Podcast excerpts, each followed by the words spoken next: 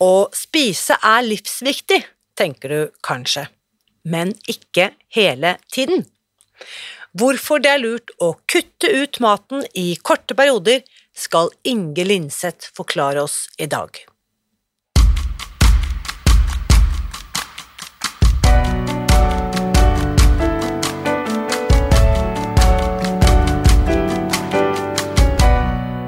Mitt navn er Irina Lie. Jeg er journalist og forlegger, gründer og sosial entreprenør.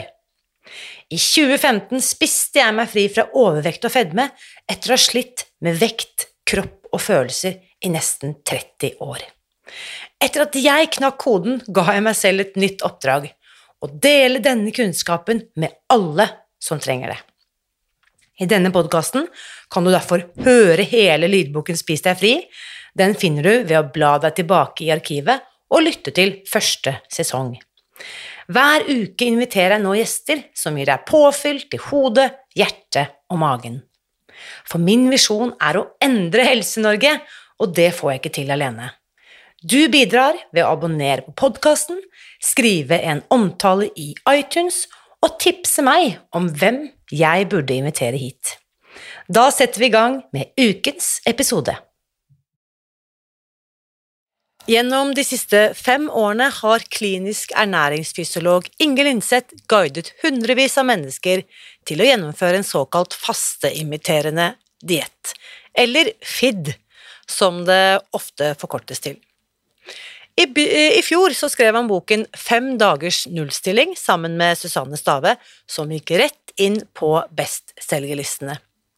I boken så viser de deg hva du trenger å vite for å kunne gjennomføre din første runde med FID, og det var den boken jeg fulgte da jeg testet dette i fjor høst. Hvordan det gikk med meg, og hvorfor Inge oppmuntrer deg til å teste det samme, det skal du få høre nå. Her er ukens gjest. Kjære Inge, velkommen til podkasten. Takk skal du ha. Fantastisk. Vi møttes allerede nå kan vi si i fjor, for nå har vi bikket over i nyttår, men mm. Da satt vi her på dette fine lille studio, og da var det kjerneboring i bakgrunnen. Det funker ikke når vi skal spille en podkast. Det er litt bedre stemning her nå. Det er litt bedre stemning her nå. Så um, det er veldig mye jeg har lyst til å snakke med deg om, men før vi kommer så langt, så må bare de som ikke har rukket å treffe deg nå, få høre litt. Hvem, hvor, hva er Inge Lingseth? Hvor kommer du fra, og litt om bakgrunnen din? Ja, sånn faglig sett, holdt jeg på å si, så uh, er jeg utdannet klinisk ernæringsfysiolog. Og har jobbet uh, klinisk da i, uh, helt siden jeg ble ferdig utdanna, eller før det også, egentlig. og um, har er veldig opptatt av alt som har med kropp å, å gjøre, og særlig da det som er relatert til, til ernæring. Og så Eh, landet litt sånn tilfeldig på, måte, på bordet mitt det som eh, vi skal snakke om i dag, det med faste, for en fem-seks år siden. Uh, og fasteimiterende diett. Så det har veldig mye handlet om de siste, de siste årene. Og så kom jo da boka om fasteimiterende diett ut fem dagers nullstyring ut nå i januar i fjor. Så ganske nøyaktig et år siden. Um, så, um, så, det har um, uh, gjort at uh, jeg lever på en litt annen måte nå. At det er mye å være rundt i podkaster og, uh, og, skrive på ny bok. Mm. Mm. Så, men bare for å starte litt der, hva i all verdens navn gjør at du blir, tenker at du skal studere ernæring? Hva, jeg bare innbiller meg at det ofte, ofte er en link mellom egeninteresser og fag. Hva er det som bringer deg inn på den veien der? Jo, det er jo helt riktig. Det gjelder for meg også. Ehm, jeg visste jo ikke helt hva jeg skulle bli, ehm, så, men så var jeg til en sånn karriereveileder, eh, faktisk, ja, ja. som eh, ikke fant ut av så mye og liksom ikke sa at dette skal du bli, men det var i hvert fall veldig tydelig at eh, jeg skulle inn på et eller annet som har noe med forskning og biologi eller kropp å, å gjøre. At jeg var den typen, da. Så da så interessert i trening og idrett. Eh, så, så, da tenkte jeg men ok, lege. Eh, tenkte jeg da. Og så kikket jeg en sånn studiekatalog, og så på andre siden av der det sto om legestudiet, så sto det noe om ernæring. Ja. Det hadde jeg egentlig ikke hørt om. Hva kunne man studere det, på en måte. Så, så da for meg da så var det sånn at det som kanskje ikke var så spennende med legeyrket, det slapp jeg på ernæring, men så fikk jeg med nesten alt det som var interessant. Da Så da var det egentlig ikke Da så jeg meg ikke tilbake, og da har jeg ikke ja, gjort i det hele tatt da, siden. Eh, så Var det på universitetet at du hadde karriererådgivning? Nei, det var um, et eller annet forbindelse med Nei, det vet jeg faktisk ikke, det var kanskje videregående. Um, ja. Mm. Jeg husker eh, Jeg skal ikke undervurdere de der rådgiverne. De har kommet opp med noen gode uh, Ja. Det er så mye mer Kanskje hvis Jeg vet ikke hva, foreldre, hva jobber foreldrene dine med? Hva, hva Lærere. Lærere, ikke sant. Mm. Da har man jo en referanse på det yrket, men kanskje ikke alle andre av verdens yrker. Mm. Spennende. Mm. Så um, du og jeg, vi har jo slått fast at vi begge er eh, sånn midt på 70-tallet barn. Og ernæring, 70-tallet, kontra 2020, det er vel Vi kan si liksom natt og dag. Det er veldig mye som har endret seg av kostråd og hvordan eh, vi tenker rundt ernæring. Ja, eller kostrådene er kanskje egentlig ikke så veldig forskjellige, de offisielle kostrådene. Ja, utrolig nok, egentlig, ja. Men det er jo en helt annen samtale rundt ernæring. Eh. Det er det jo. Um, og enda lenger tilbake, eller på 60-tallet, eller altså Det skjedde jo mye på, på 70-tallet og 80-tallet. Uh, eh, at det ble mer uh, industrimat. Uh, at mm. man gikk da bort fra Ehm, eh, det å spise eller lage mat fra, fra bunnen av og, og, spise sammen med familien hjemme, til eh, mer, eh, mer fragmentert måte, måte, å spise på, hvor ting er Hvor vi egentlig har glemt hvordan vi, vi lager mat, i hvert fall mange av oss. Mm. Um, og, og, også, eller ja, ikke lager like mye mat fra, fra bunnen av det. Ja. Mm. Men sånn som jeg husker, um, mammaen min var jo da den typen som startet en ny slankekur hver mandag. Sånn som mange mødre, og sikkert mange no, Kanskje ikke så mange menn, men i hvert fall mange mammaer. Så jeg husker at eh, nå for noen år siden, jeg ryddet ut av diverse bokhyller, så fant jeg en kostrådsbok som var gitt ut av Statens ernæringsråd eh, på slutten av 60-tallet. Mm.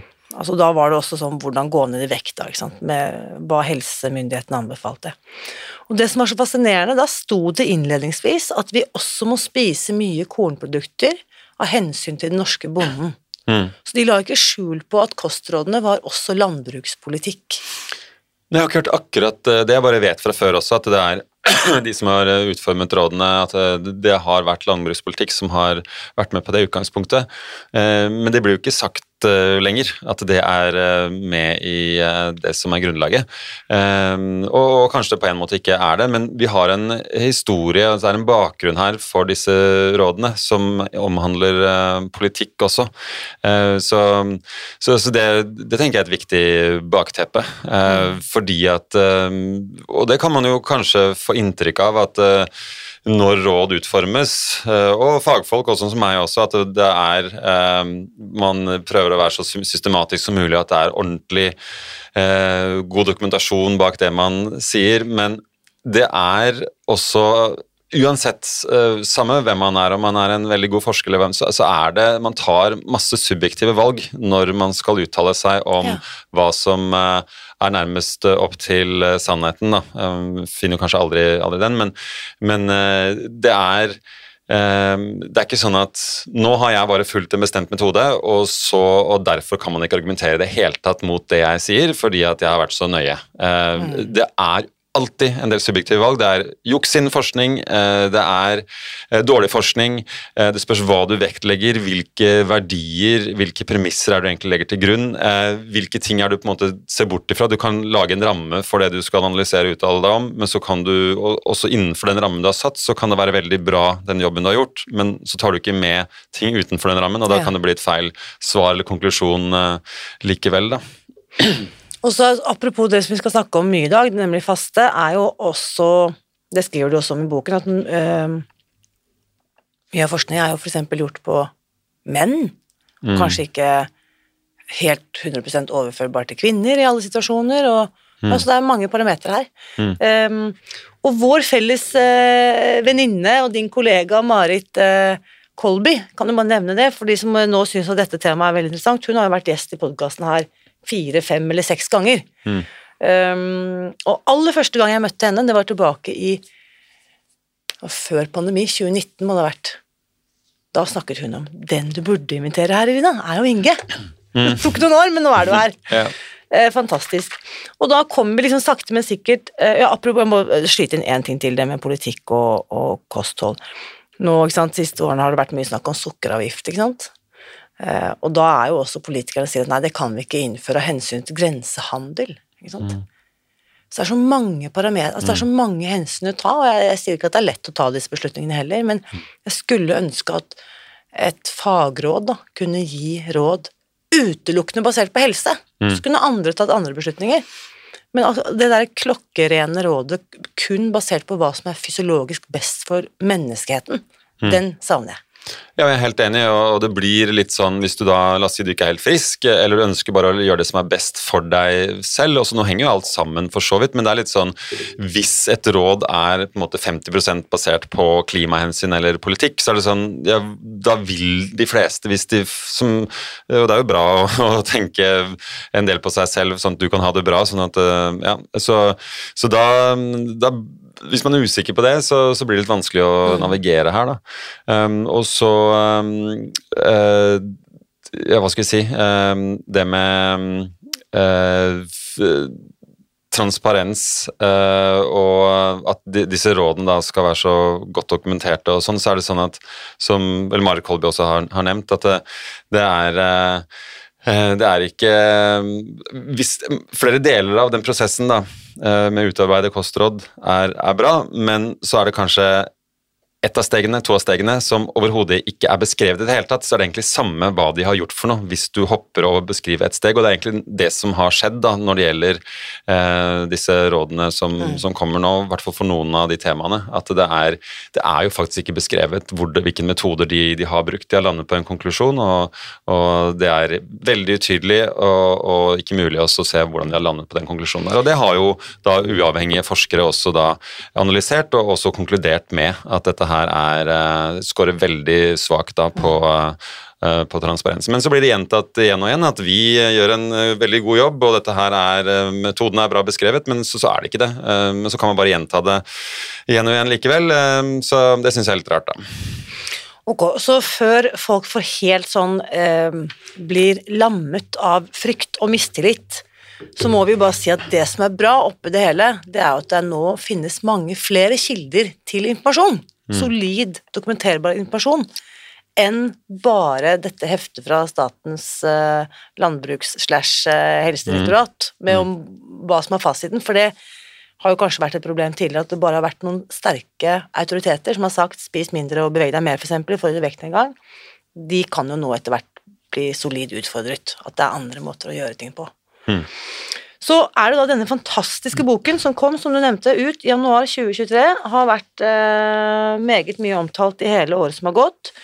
Fem dagers nullstilling heter den. Handler om fasteimiterende dett, og hvordan vi kan fornye kroppen innenfra med det du da omtaler som spisende faste. Skrevet da, det må vi selvfølgelig også nevne, sammen med Susann Stave. Mm eh, åpenbart en usaklig kreativ og faktisk veldig eh, på en måte kunnskapsrik person, fordi at det, ikke bare har dere her i denne boken beskrevet metoden om hvordan man kan gjøre det, og hva som skjer med kroppen, men det er også en lang rekke veldig gode og fargerike og, og både enkle og litt mer kompliserte oppskrifter. Mm. Så det er en komplett bok. Jeg vet at du har måttet inngå noen kompromisser. Vil du si litt om prosessen med boken og hvordan den kom i stand og ja.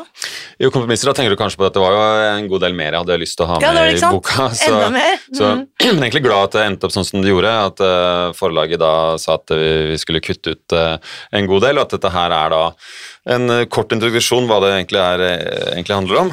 og så, så fort man har skjønt det på en måte, så, så, er det å komme i gang med hvordan skal du faktisk gjøre det. Um, og så at du går på, ser på menyene og finner ut av hvordan kan du sette i gang med din første faste imiterende dietrunde.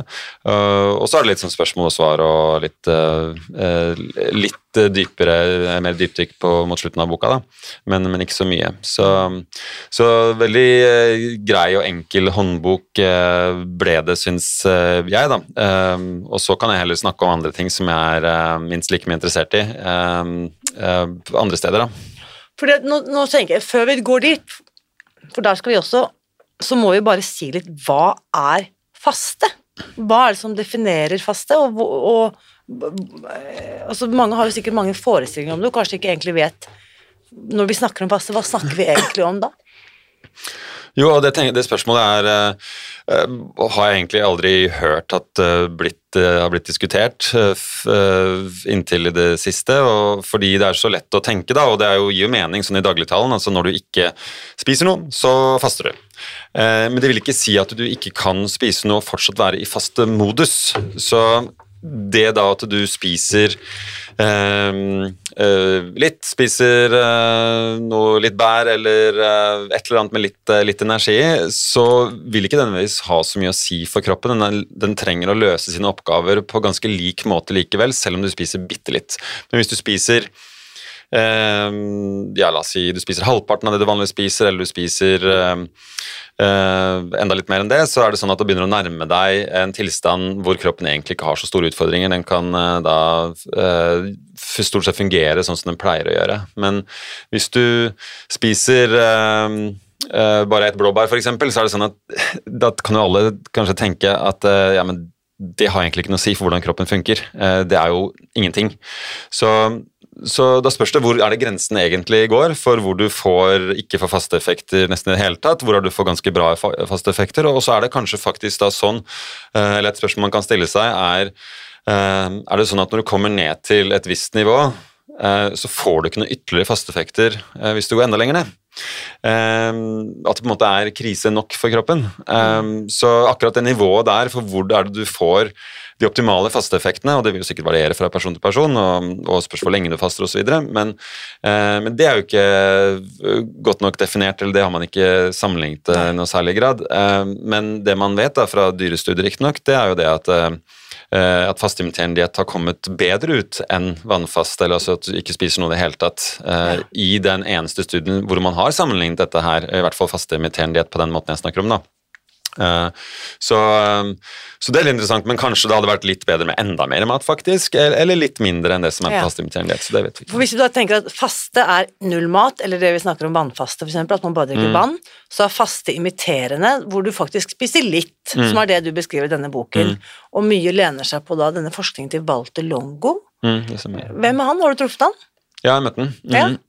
Så um, Uh, og det har jo vært altså tidligere også at man da på lengre fasteperioder at man har inntatt uh, kanskje 200-300 kilokalorier per dag, uh, men liksom det har vært nesten ingenting. da, Men så forskjellen er jo det at det er, det er faktisk fire måltider per dag. Det er, det er ikke ingenting. Og når det gjelder volum også, så er det jo relativt mye man egentlig spiser, men det er ganske energifattig mat. da. Men det var Walter Longoya som egentlig er uh, den som har funnet på det her, kan man si. Han har uh, forsket, uh, altså drevet med grunnforskning på gjærceller, altså gått hele veien fra den mest basale forskningen og helt til det å gjøre kliniske studier på, på, mennesker på dette konseptet her. For han, han, så tidlig, og det var ikke bare han som så det, men at det å utsette da laverestående organismer for mindre mat eller lite mat, eh, det er noe som da kan forlenge livet til eh, sånne organismer. Så, men så skjønte han det at eh, ja, det trenger kanskje ikke bare være null mat, altså null kalorier, som, som, er nødvendig for å få sånne effekter. Og så prøvde han også å bruke dette her på kreftpasienter, og det var så få som ville være med på det. Det var så få som orket å faste eller spise ingenting. Så, så han var veldig pragmatisk da, og så begynte å teste ut da hvordan er det, det kan funke med en del mer enn en ikke noe mat i det hele tatt. Eh, og, og har gjort, gjennomført flere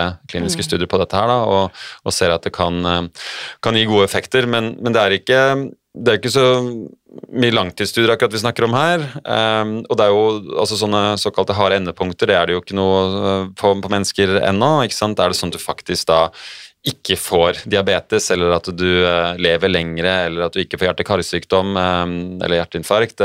Så, så, så, det er jo ikke de kliniske studiene som er viktigst for meg, egentlig, altså isolert sett. Det er mer hele Eh, altså alt som skjer i kroppen når mm. man faster, og hva, man ser i forsøksdyr, og hvordan alt dette her henger sammen. Det er det som er fascinerende for meg. Da, sånn at Vi er i startgropa på forskningen, men eh, det blir bare mer og mer interessant eh, jo, jo, mer forskning mm. som kommer, for at det blir bare tydeligere og tydeligere at det, eh, det nok ligger en god del eh, her, da. Ja. Altså I Spis deg fri i verdenen så snakker vi om vi spiser bare tre måltider, og så har vi etterstreber vi 12-14 timers pause ikke sant? mellom siste måltid i dag og første måltid i morgen. Så dette har jeg snakket med Marit om flere ganger, så det er da innenfor det vi kaller forlenget uh, nattfaste. Mm. Uh, så det er ikke faste vi driver med, men, og heller ikke periodisk faste, men en forlenget nattfaste. Ja, eller tidsbegrenset spising. Tidsbegrenset mm. spising. Mm. Uh, og det er det sikkert mange som kjenner til fra ulike 8-16 eller mm. alle disse mm. ulike begrepene.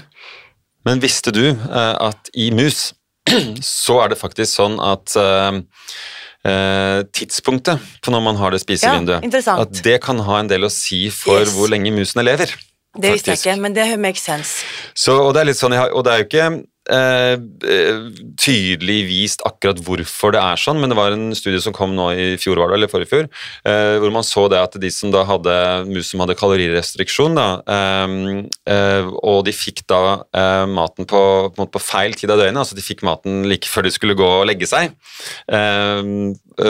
de levde da ikke like lenge som de som da fikk mat når, når disse musene er aktive. Da. Så, så det var de musene som da fikk det på feil tidspunkt, de levde vel en 22% lengre, mens de som fikk det da på riktig tidspunkt, de levde 35 lengre, faktisk. Ja. Mm. Så du kan fortsatt få god effekt, men du får enda bedre effekt hvis du sørger for å time måltidene dine riktig. Ja, at du ikke spiser for sent om yes. kvelden er kanskje det mest logiske men det, slutningen. Men det, det, er for meg helt sånn intuitivt helt logisk. Men det at det gir effekt på livslengde i så stor grad, Genialt. det tenker jeg er eh, Det er ikke gitt at det ville være sånn. Um, så, så, det er jo litt spennende å tenke på altså, hvilke, hvorfor er det det funker uh, sånn. Og, men, og døgnrytmene våre de er koblet opp mot disse prosessene som man vet har noe med eh, aldring å, å gjøre. Eh, og for å være litt teknisk, altså mTOR, sirtuiner eh, autofagi. Eh, så, dette her har med, med døgnrytmene våre å gjøre. Så det er noen, det er noen linker der som ja. er sannsynlige, i hvert fall. Da. Vi må bare snakke litt om det ordet du mm. akkurat sa, autofagi. Det syns mm. jeg er så utrolig spennende. Eh, der ble det jo også en, en fyr var han fra Japan som vant en nobelpris. Mm. Uh, ja, eller skal vi se, da kanskje jeg blander litt sammen uh, her. Eller uh, Jeg tenker da på Yamanaka-faktorene, men så da kommer jeg på noe annet. Men jeg kanskje Eller var det det du tenkte på? Jeg er usikker på Jeg bare hørte det nevnt. Men her snakker vi altså om den prosessen der i fravær av mat at cellene rydder opp og spiser seg selv. Mm. Spiser de Altså det er sånne søppelbiler som bare reiser rundt i kroppen og fjerner rusk og rask som vi ikke trenger lenger. Ja, eller inni cellene, ja. Inni cellene. Mm, inni hver enkelt celle. Mm. Mm. Hva er det Marit snakker om? Børste, børstebiler ja. eller uh, Ja, nei, men det er um, uh, Man kan bruke sånne bilder på det, men det blir jo noe, noe litt annet uh, det vi snakker om her, da. Mm. Mm. Men det er en effekt, da, som mm. vi må ha fravær av mat for å kunne oppnå. Og den inntreffer jo etter så Du må liksom Ja, altså autofagi, det, det, skjer nok hele tiden eh, til en viss grad. Så det er det som jeg er opptatt av, er den, den økte autofagien som du har utover et sånt uh, basalnivå. Hvordan kan du stimulere det? Ja. Så uh, Så da er det jo f.eks. trening også kan bidra til mer autofagi. Um, og da er det jo sånn at hvis du har uh, trent, og så er det mange som er opptatt av å spise rett etter trening, men um, da kan det også være sånn uh, at du går glipp av noen effekter også, i hvert fall hvis du tenker helhetlig helse, uh, og ikke bare får mest mulig treningseffekt. Og det er ikke sikkert det funker så bra nødvendigvis på, på treningseffekten at du spiser med en gang etter at du har trent heller, fordi da, da kan du gå glipp av et sånn, en økt uh, mengde med autofagi som du kan da avbryte hvis du spiser med en gang. Da. Ah, ok, nettopp. Um, denne fasteimiterende dietten som du beskriver i boken, hvordan skal vi enklest mulig Altså, vi snakker over fem dager, og da hvis vi slutter å spise på en eh, søndag kveld, f.eks., så vil vi da tenke mandag som dag én. Mm. Så det hele mandag, hele tirsdag, onsdag, torsdag og fredag, mm. så spiser man første måltid igjen lørdag morgen. Mm. Så eh, kunne vi si, det du også beskriver i boken, noen av effektene ved å gjennomføre en sånn femdagers kur, da, for å kalle det det? Noen av effektene av det? Mm. Eh, uh, det som, Jeg har holdt kurs i dette her i, i, fem år, uh, og da er det sånn at det har kommet på, uh, på dag én av kurset, uh, og så har de lært seg hvordan de skal gjøre dette her, og så kommer de tilbake da en sånn sju til ti dager etterpå på kveld to. Og det, det, er mange som da har vært med på kurs fordi at de har hatt ulike helseplager og ønsker å få bukt med det. Men selv om da noen symptomer har blitt redusert da, i løpet av disse dagene, så er det ikke det som er de første som, som nevnes. Eh, det er mer sånn at de snakker om hvordan de har følt seg sånn psykisk, og at de har blitt så rolige og føler kjent på en mestringsfølelse osv. At det liksom det har skjedd noe, noe i, i, hjernen, eh, og elementalt. da. Eh, det er det de trekker frem først, ja. først og fremst. Men andre ting, jeg spør litt mer, så, så sånne akutte effekter, så er det gjerne det som går på, på smerte. Hvis man da har Eh, ja, vonde ledd, f.eks., eh, revmatismeplager, så, så, så, kan det reduseres ganske, ganske, fort der og da. Så kan jo disse plagene komme tilbake igjen etter at man er ferdig med fasten, men mitt inntrykk er også for en del at når du faster relativt hyppig, så, så kan det gå lengre og lengre tid da, eh, før de plagene kommer tilbake. Kanskje de ikke kommer eh, tilbake i det hele tatt heller. Um, så, så det, det skjer noe med med smerter eh, og betennelse sånn akutt, men også, også på sikt, eh, ser det ut som. da. Og sant, for at eh, disse, disse menyene nå, de er jo veldig tett opptil det holdt jeg på å si, vi spiser i Spis deg fri også, ikke sant? råvarebasert, mm. ikke noe ultraprosessert, ikke noe drittmat mm. av noe slag, det er ekte mat. Mm. Og bare den effekten i seg selv, ikke sant, det er jo jo, det er et veldig, godt poeng, fordi, for det kan også være det kanskje det er noen som reagerer på ulike matvarer, enten det er snakk om intoleranse eller at det bare er noe som uh, uh, gir veldig svingende blodsukker eller hva det måtte være, så er det sånn at det er mange ting samtidig her som ikke nødvendigvis bare har med redusert inntak av proteiner og, og kalorier, så det kan være flere andre ting også.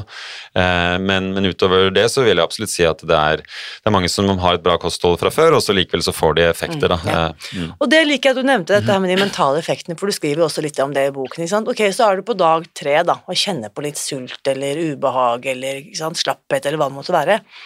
Og så bare det å stå i det, og så kjenne at dette her får jeg til.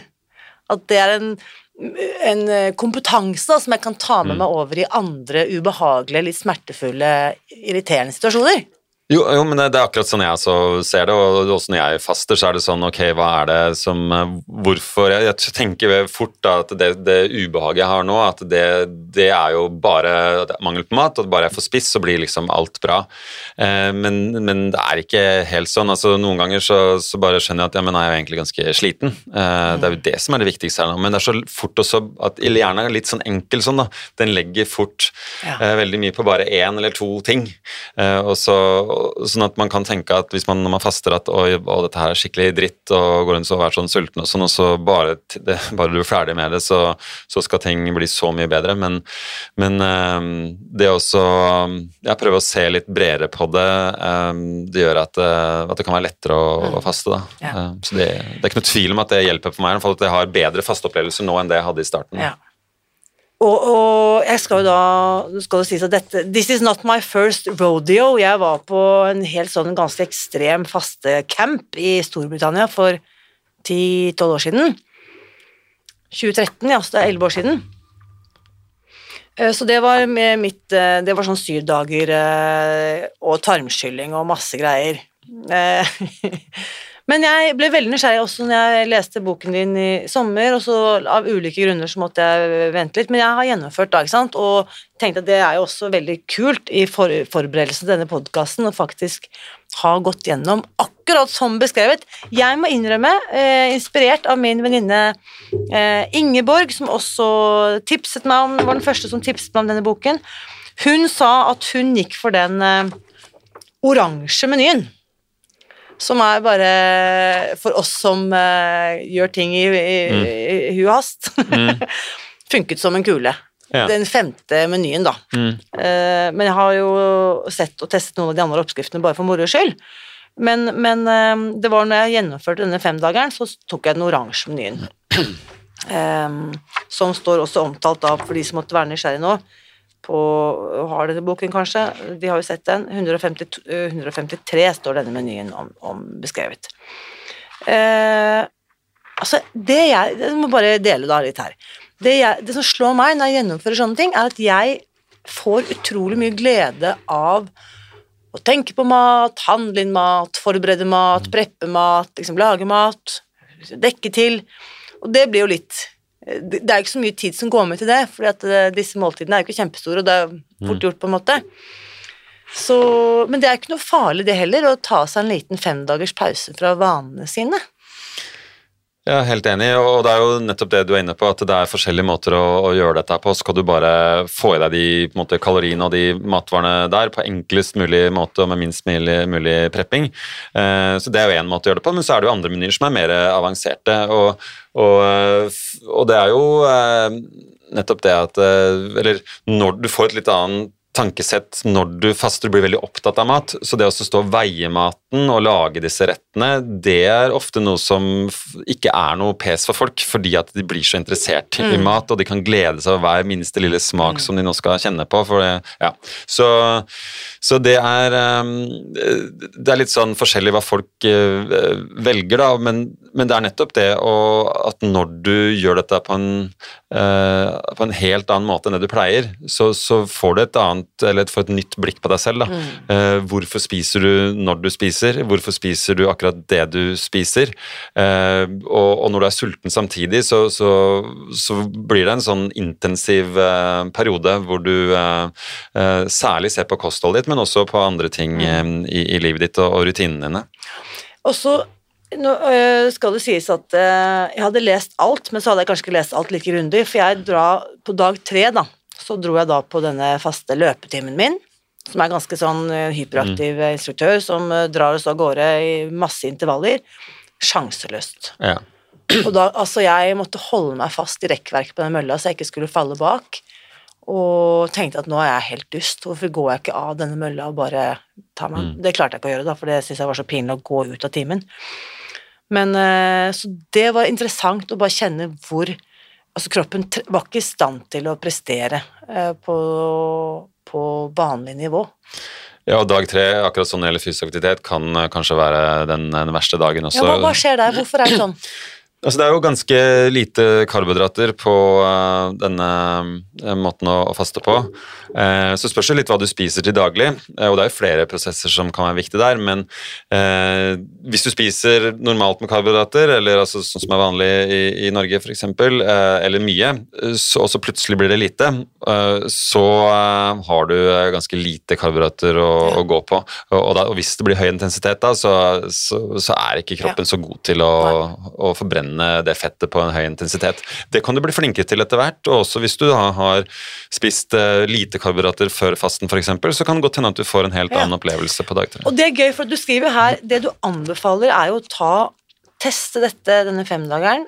Eh, ikke med for stort mellomrom, kanskje en måned, altså minst en måned mellom, og gjenta i hvert fall tre ganger. Mm. Um, så nå, jeg og min gode fastevenninne Jeanette, vi skal i gang nå med runde nummer to. Vi gjorde det sammen uh, for litt over en måned siden, og nå om ikke så lenge så skal vi i gang med runde nummer to. Vil du gjøre det veldig forskjellig nå, da? Nei, jeg, jeg skal droppe den treningen på dag tre. Men så tenker jeg kanskje hvis jeg skulle gått på treningssenteret dag tre, så ville jeg kanskje tatt en lavintensiv, rolig økt. Mm. Kanskje en rolig, rolig joggetur i 30 mm. minutter istedenfor høyintensiv intervalltrening. Ja, og, og hvis, du, hvis, du, føler at det går bra, du har bare lyst til å trene, okay, så, så, så, takler kroppen veldig mye, men for de fleste, så, så er det, og i hvert fall de første fastene, eh, så, er det min anbefaling at eh, ja, gå turer, eh, ja. kjenn etter. Ja, turer, du kan godt trene styrketrening, godt ta i, men, men, det er ikke sånn at Ikke ha noen forventning egentlig om at dette her skal funke superbra, selv om jeg snakker med flere som egentlig ikke merker så stor Nei. forskjell egentlig, og trener akkurat som de pleier. Og, ja. men men min utgangspunkt må være det at eh, nå er det en eh, litt utfordrende periode. Eh, legge inn muligheten i hvert fall til å bare ligge ja. to timer på sofaen på ettermiddagen. For nå det, skal det skje masse bra ja. i kroppen som, som krever, litt, krever, litt, av kroppen. Så, så, så det, er, det, er ikke, det er ikke da du tenker at nå skal du ha en intensiv treningsuke. Og det som er, Jeg syns dette er liksom gøy bare å liksom forske på, og vi, vi, var, vi prøvde å være litt sånn systematiske. Vi er jo også eh, fans av eh, Dr. Torkil. Så både venninnen min og jeg har jo utstyrt oss med diverse sånne gadgets her. Kjempeinteressant å se søvnkvaliteten. Jeg tror ikke jeg har sovet så godt jeg, i 2023 som de fem dagene med minimalt med mat. Mm. Det var superinteressant. HRV-en ble forbedret. Eh, ja, pulsen lavere. Altså, dette her var jo målbare effekter. Mm. Nei, men Det bare viser da, eller i hvert fall en indikasjon på at uh, det skjer ganske mye i kroppen når du faster, at den kommer inn i en helt annen uh, modus. Ja. Så at det skjer noe i, hodet og i nervesystemet mm. også. Og så, for mange som følger Spis deg fri, er opptatt av dette med vektnedgang. Jeg hadde jo ikke noe mål om å gå ned vekt, men jeg gikk jo ned 2,7 kilo, tror jeg, i løpet av de fem dagene. Da fra innveiing mandag morgen, da, eller dag én, til innveiing dag seks, typ. Eh, det konkluderte jeg med. Det tok vel kanskje et par uker å gå de kiloene opp igjen. Mm. Men da konkluderte jeg med at eh, det var først og fremst tømming av tarm. Ja, det er nok eh, eh, vann som forsvinner en del ja, også. Og vann, selvfølgelig. Ja. Mm, og, mm. Men også fett. Du må jo forbrenne ja. eh, For du går ikke ned i så lav forbrenning. Eh, og du, forbrenningen går gjerne opp faktisk når du faster. Eh, bare mm. noen få dager. Så, så, det er nok et Det er nok et ganske sånn Altså de Eh, den eh, mengden i, i, fett som du da det, altså det, er en, det, er en, viss mengde fett også du har forbrent, da, for å si det. Det er ikke bare ja, vann ja, og terminal. Mm. Mm. Det kan faktisk være at liksom, vekten har liksom justert seg kanskje ned en halv kilo eller en kilo. Mm. Ja, nei, altså, ja, ok. Mm. Men, men, det er jo ikke sant, det, det, er jo forskjellig da, ikke sant, fra det å være på en lavkaloridiett over flere måneder. Dette Poenget med, som, som jeg tenker i hvert fall, det er jo det at du spiser deg mett før fasten, og så er det da fasten, og så er du, eh, når du er ferdig, så spiser du deg mett igjen. Og akkurat hvor mange kilo du har gått ned under selve fasten, det er egentlig ikke så interessant. Nei. Eh, det kan jo være at faste påvirker vekten din over tid, men eh, akkurat hvor mye du går ned i løpet av disse fem mm. dagene, det er egentlig ikke så nøye. Hvis du går ned veldig lite så kan det jo tyde litt på at du kanskje har en litt lav forbrenning fra før, og at når du faster, så, så skrus virkelig forbrenningen på en måte uh, Altså blir enda lavere, da. At det, uh, at det kanskje ikke er så bra. Uh, men men selve vektnedgangen underveis, det, det, er ikke så, så viktig. Nei. Så, men selvfølgelig, å bli kjent med kroppen og hvordan kroppen reagerer rundt dette med mat og måltider, gjennom denne, disse fem dagene, kan jo gjøre at man på sikt tar noen sunnere valg rundt kostholdet sitt. Som igjen da kan gi deg den vekten du ønsker, selvfølgelig. Mm. Ja, men Det er et veldig godt poeng, og, og det er jo mange som uh, Eh, spiser frokost f.eks. Bare fordi at de har hørt at det skal være bra, eller bare av vane. Eh, og når du kommer gjennom en sånn femdagers eh, greie, så er det sånn at du kjenner at ja, men jeg takler jo sult bedre enn det jeg trodde. Hvorfor spiser jeg egentlig når jeg spiser, og hvorfor spiser jeg det jeg spiser? Mm. Og at du da kan være lettere å gjøre de endringene som trengs i etterkant. Fordi du er ute av det kanskje litt feil tankegangen som du hadde, da, som ikke stemmer helt med hvordan kroppen din faktisk funker. Det har vært, Jeg må bare spørre om det også, for det har vært vært tidligere perioder hvor jeg har testet dette med fasting. Um, og har hatt følelsen av at jeg nesten har tendenser til å overspise når jeg kommer ut av fasten. Det er det ikke nå, sist jeg testet dette, men det har også gjort at jeg har vært litt sånn skeptisk til uh, tidsbegrenset spising utover disse tre måltidene som jeg har holdt på i mange, mange år. Da. Hvordan har, det, har du noen tilbakemelding om det, at noen er så craver mat så mye at de når de kommer ut av fasten, havner i en kald overspising? Jo, dette er begge deler, så det er derfor det blir viktig å ikke bare kaste seg ut i dette med mm. faste, men at du har noen tanker om hvem du er og hvilke utfordringer du har og hva forholdet ditt til mat er. Mm. Eh, og så kan det være rene fysiologiske ting som gjør at eh, det er ikke alle som eh, egentlig har det så bra på faste. Eh, men så det er, nok, det er jo noen eksempler på at det er at det blir Og det spørs liksom hva man har gjort og igjen hvordan man tenker, da, men hvis man tenker, fortsetter, prøver og skal være litt på sånn halvveis lavkaloridiett etter en faste også, og ikke tenker at nå er på en måte krisen over og nå kan du spise så mye du ønsker, og, det, og så man, så, er man ekstra sulten, og så likevel så bare skal man spise like mye som man gjorde før fasten, og kanskje det var for lite også, så kan det bli litt komplisert og, og litt sånn at det ikke funker så bra. da. Ja. Um, men selv så har jeg vært litt sånn, nesten litt skuffet over at ikke jeg er mer sulten rett etter fastene, og at maten ikke smaker enda bedre. uh, så jeg har gått litt sånn bort fra det å liksom lage kjempestore måltider etter at jeg er ferdig med fasten, men bare lar det komme mer naturlig. da. Uh, at, uh, og det jeg hadde lyst på nå sist, det var mer sånn at det var Eh, sånn, altså masse grønnsaker og, og, litt mer energi, men at det var, eh, det var ikke sånn at jeg virkelig ville Hadde ikke lyst på, på ordentlig usunn mat eller masse kjøtt eller noe sånt, men, men, eh, men at jeg lot det bare komme litt mer etter hvert. Ja. Og så, kanskje etter noen dager, så er det sånn at oi, nå er jeg skikkelig sulten, og da uh, jeg, holder jeg ikke noe igjen da, i Nei, hvert fall. Og jeg syns det var interessant også, jeg har jo spist det før, selvfølgelig, men jeg har ikke noe forhold til hasselnøtter. Det var eksempel På den oransjen så var det noen hasselnøtter. da. Og bare når det er såpass begrenset med mat, så setter jeg jo veldig mye mer pris på hver enkelt lille nøtt òg. Så nå hvis jeg har hasselnøtter på frokostgrøten min, så bare ja, her var den igjen. den gode, gode smaken. Ja, ikke sant, og nettopp det at kanskje det er flere som kan være litt sånn matleie og er ikke så interessert i mat mm. i utgangspunktet, og så kan dette være en ordentlig vekker, da.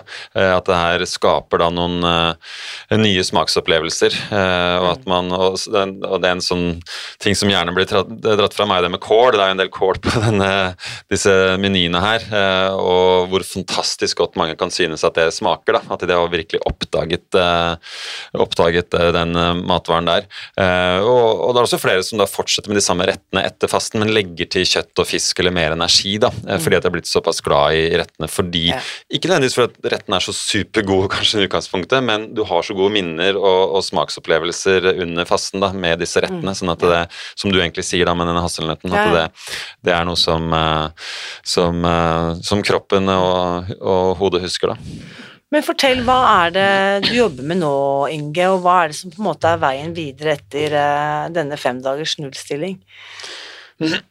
Eh, det med faste det har jo da en del med aldringsprosesser å gjøre, så, så, det har virkelig åpnet opp en eh, ny verden for meg. Og så har det også kommet veldig mye mer forskning i det siste som går på det med, med aldringsbrems og, hvordan dette her er mer påvirkbart enn det man uh, trodde før. Da. Så, og da er det jo også stoffer i mat, spesifikke stoffer i mat som kan påvirke hvor fort vi ellers ser, ser, det ut til. Så jeg skriver nå en ny bok som har med faste prinsipper å gjøre, men det er mer da hva kan du gjøre mellom fastene uh, for å uh, påvirke helsa på en best mulig måte, med en vinkling da som går på det med aldringsprosessene våre. Så da kommer det mange forskjellige ting inn i denne boka. altså Det er ikke sånn tidsbegrenset spising og ulike medisiner og terapier som man da kan, kan bruke. Ikke at jeg snakker så mye om det, men i hvert fall bare for å beskrive da hele feltet eh, som har med forskning på aldring eh, å, å, gjøre. Kult. Mm. Jeg vet ikke om jeg nevnte dette for deg sist vi møttes, men jeg var på et foredrag i høst med en professor i eh, biologi, Bruce Lipton, som påstår at når man ser på mennesket som uh, sammenligner det med andre dyrearter, så har egentlig mennesket alle mulige forutsetninger for å kunne bli 150 år gamle. Det syns jeg var veldig fascinerende. Men vi forkorter da levetiden ikke sant? gjennom maten vi spiser, eller måten vi lever livet vårt på, eller giftstoffer vi utsettes for, eller ja, livsstil, da, rett og slett. Men egentlig fra naturens side så er vi ut, utrustet på en måte som skulle kunne tilsi at vi har potensial til å bli 150 år gamle.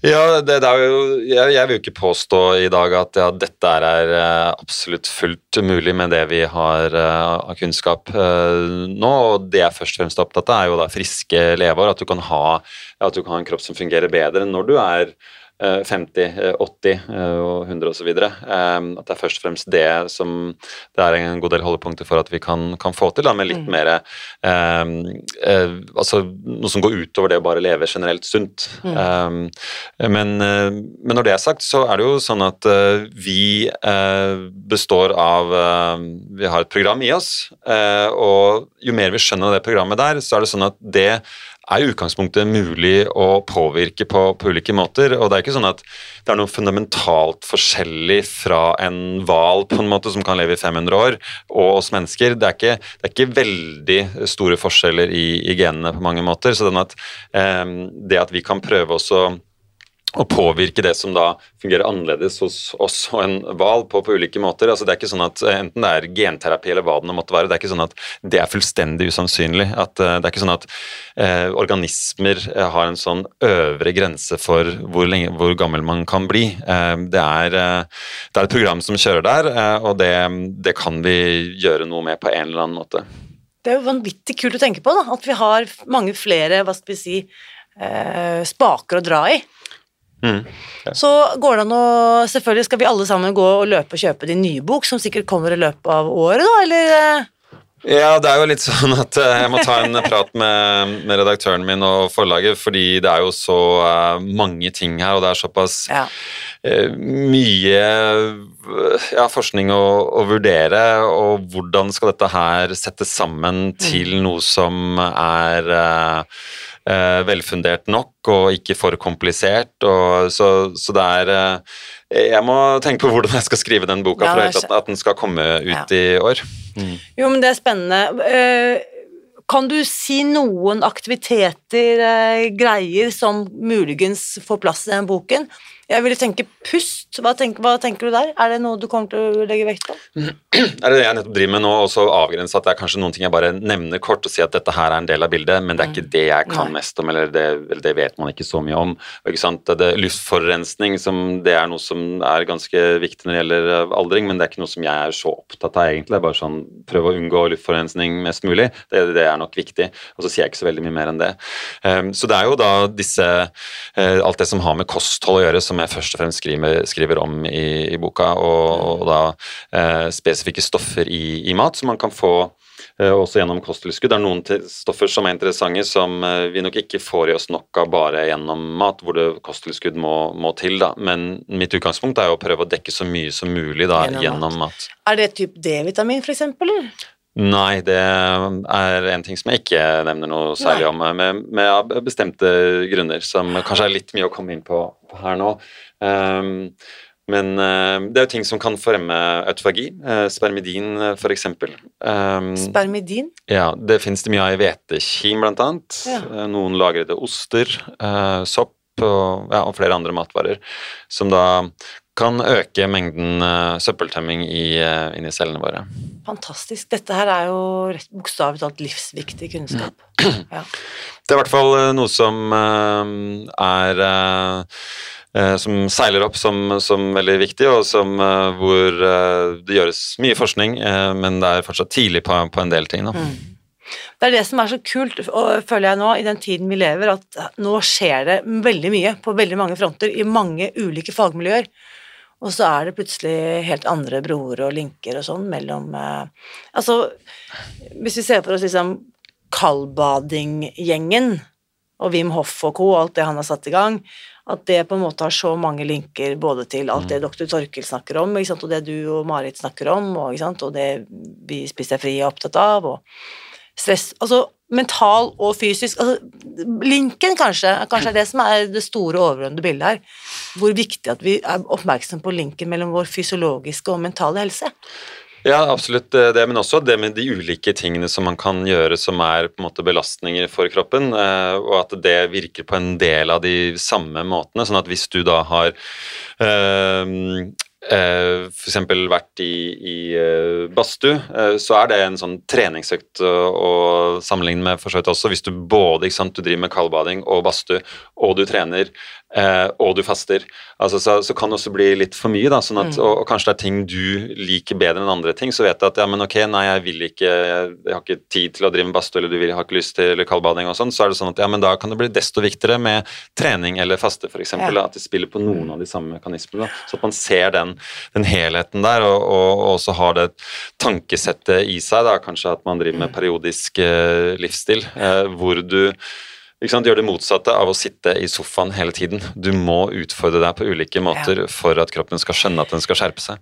Det var noe, Da vi passerte nyttår her for ikke så lenge siden, så var det en i vår eh, kursgruppe som se, sa at målet hennes for 2024 var å se på flere solnedganger enn serier på Netflix. Og det, bare liksom det bildet synes jeg var så utrolig godt beskrevet. Um, og for min egen del så kan jeg jo bare si at eh, når jeg først begynte å eksperimentere med ett av disse feltene vi har snakket om her, da, og fikk så god effekt, så ble jeg nysgjerrig. Ok, hva er det jeg går glipp av hvis jeg dropper fasten? Kan det hende at det er noe der som jeg ville likt eller hatt glede av? Ok, men hva med de pustegreiene? Hva er det jeg liksom Alle snakker om det, hva, ikke sant? Så litt om dette her nysgjerrigheten, eller kall det gjerne grådigheten nå, da, at jeg vil liksom teste litt av alt.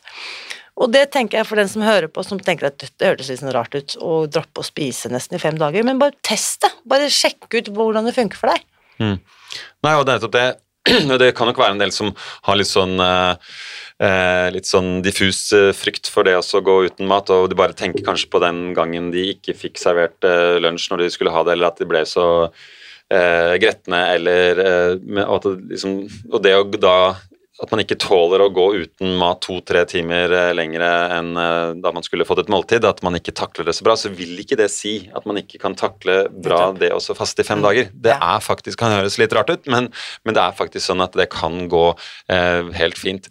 Og, så, og, det er også noe med innstillingen du går inn i dette på. da, Hvis du faktisk, nå skal du da, du skal legge til rette for at du Um, at det ikke er for mye stress mens du faster, og at du mentalt har tenkt på hvordan er det du eh, Eller at du har forberedt deg på, på sultfølelse, at den kommer, hva skal du gjøre da? Um, så for de aller fleste så går det mye bedre enn det som man, ja. man tenker, da. Uh, så det er egentlig bare å kaste ut i det. Og, og, og la oss si at det kanskje var litt tøft, men du prøvde det, du gjorde det i fem dager, du kom gjennom det, og kanskje du aldri gjør det igjen. Ja, men greit, da, da vet du det. Ja. Så det er nettopp det bare å komme over den bøygen der og bare sette i gang. At eh, de aller fleste, tenker jeg, burde bare gjøre det. Ja, og da vil jeg også bare dele det gulltipset som jeg da har hatt veldig god erfaring med. Bare få med deg en kompis eller en kollega eller venninne eller søster eller bror. For det er så mye enklere å gjøre det sammen. Det er supermotiverende. og liksom når jeg var ferdig med den bitte lille frokosten, tok bilde av den, sendte til Jeanette. Mm. Logget inn med, hvis man er opptatt av det, da, med søvnskår og sånn, og fikk det tilbake, og så mm. holdt de på, da. Så det føltes veldig mye hyggeligere å kunne gjøre det sammen med noen. Ja. Det vil jeg si er et uh, stalltips her. Eh, det er, er, veldig smart. Eh, og så kan det også være nettopp det å, å, gjøre det alene også, at det blir en enda større utfordring, ja. at du blir enda bedre kjent med deg selv osv. da også. Så, så, um, men uh, hvis man er uh, veldig skeptisk, så kan man jo dra på retreat og så bare få, ikke sant, på en måte i fengsel. Altså at du bare da er på et sted ja. hvor alle andre rundt deg faster, du får akkurat det du skal ha av mat. Uh, og så, så, kan det være en fin måte ja. og nettopp da at du er sammen med mange andre. Da. Ja, for du arrangerer det også med jevne mellomrom, og da er både Marit Kolby og dr. Torkel og flere av disse som jeg har snakket om, mm. også involvert. Hvor, hvor mm. finner man info om det? Er det på Det er på fidretreat.no. FID, altså fasteimiterende diett. FID. Mm. Fidretreat.no. Så nå er det jo um, nå, i, uh, nå, på fredag, så har vi um, ja, Nå vil det være etter at vi har ja, sendt denne ja, podkasten. Men neste etter det er i april, da. Ja, så april 2024 mm. så er det en ny mulighet. Mm. Mm. mm. Nei, men fantastisk, uh, Inge. Jeg gleder meg til å både ha flere spennende samtaler med deg og lese flere viktige bøker i, hva skal vi si da, i årene som kommer. Ja, kanskje neste boka kommer om fem år. Vi får se hvor lang tid jeg bruker. det tar den tiden det tar. Så fantastisk. Så din oppmuntring til de som eh, er nysgjerrige nå, bare, bare gjør det, er det det vi skal si? Ja, og igjen, det er bare også, eh, også tenke at eh, ok, du kan jo faktisk avbryte. Eh, og så lenge du gjør gode forberedelser, og du faktisk spiser noe underveis, som det tross alt er en del volum på den maten du spiser, eh, så kan det hende at det går veldig fint. Og så kan det, vil det være litt tøft innimellom for de aller fleste. Eh, at kanskje dag én går kjempefint, så dag to så får du ordentlig knekken, på en måte. Men så går det gjerne over igjen. Du er ja. veldig sulten, men så betyr ikke det at du er mer sulten på dag fire og fem, til og med, selv om du var mm. kjempesulten på dag to. Det er, så det å bli kjent med, da, med, kroppen sin på den uh, måten der, og vite at uh, det her er ikke noe sånn uh, veldig tydelig mål på energilagrene dine. Det er bare kroppen din som poker deg og sier at nå bør du spise. Men ja. det går egentlig fint. Det går fint. Og kom, da må jeg bare skynde meg å legge til, på min dag fire og fem, da deltok jeg på et helgekurs, for jeg startet på en onsdag. Så jeg tenkte litt sånn Oi sann. Spesielt etter den opplevelsen, den knekken på dag tre, men den treningsopplevelsen. Så dag fire og fem så skulle jeg delta på et kurs hvor det var ti timer undervisning fra ti om morgenen til åtte om kvelden. Da må jeg innrømme at jeg var litt bekymret og tenkte hvordan skal jeg holde konsentrasjonen, hvordan skal jeg klare å ta notater, komme meg til å Ikke sant. Det gikk helt fint. Helt mm. uproblematisk. Jeg tenker at jeg kanskje var mer konsentrert mm. og opplagt enn alle mm. de andre i rommet. Så gjør det. det. Prøv det. Det er ikke farlig. Mm. Yes. Nei, men Kjempebra. Takk for i dag. Takk for i dag. Nå lurer jeg på, hva tenker du etter å ha hørt min samtale med Inge i dag? Samtalen etter ukens episode fortsetter som vanlig i eh, den åpne Facebook-gruppen Spis deg fri, så bli med over dit og del dine tanker og takeaways etter å ha hørt dette. Og som du kanskje fikk med deg, så startet vi et eh, nytt grunnkurs eh, denne uken. Og jeg vet at bare tanken på det å endre kosthold eller gjøre endringer rundt mat og måltider, enten du nå tester fasteimiterende diett eller eh, velger å teste Spis deg fri, det kan virke både skremmende og skummelt. Derfor er jeg så glad for at det finnes gode bøker som kan inspirere og motivere deg til å teste dette på egen hånd, i trygge og kjente omgivelser hjemme ved kjøkkenbenken. Og da kan du enten kjøpe boken Femdagers dagers nullstilling og teste ut uh, fasteimiterende diett, eller så kan du gå til spisdegfri.no kokeboktilbud og benytte deg av vårt mest populære boktilbud gjennom tidene, der du altså får tilgang på nettkurset to uker som en gratis bonus når du bestiller et fysisk eksemplar av den offisielle kokeboken via våre nettsider. Dette tilbudet får du kun hos oss, og du finner det ved å gå til spisdegfri.no kokeboktilbud. Tilbudet det inkluderer altså denne fantastisk store og fine grønne kokeboken vår, som egentlig heter da Den offisielle kokeboken. I denne boken så finner du fargerike oppskrifter til frokost, lunsj og middag. I boken så finner du også matplaner for et helt år, tilpasset både deg som spiser kjøtt, fugl og fisk, og for deg som foretrekker vegetariske eller veganske alternativer. Og når du bestiller kokeboken på våre nettsider, får du altså med deg dette populære nettkurset to uker som en eh, gratis bonus. Tilbudet det finner du ved å gå til spisdegfri.no kokeboktilbud.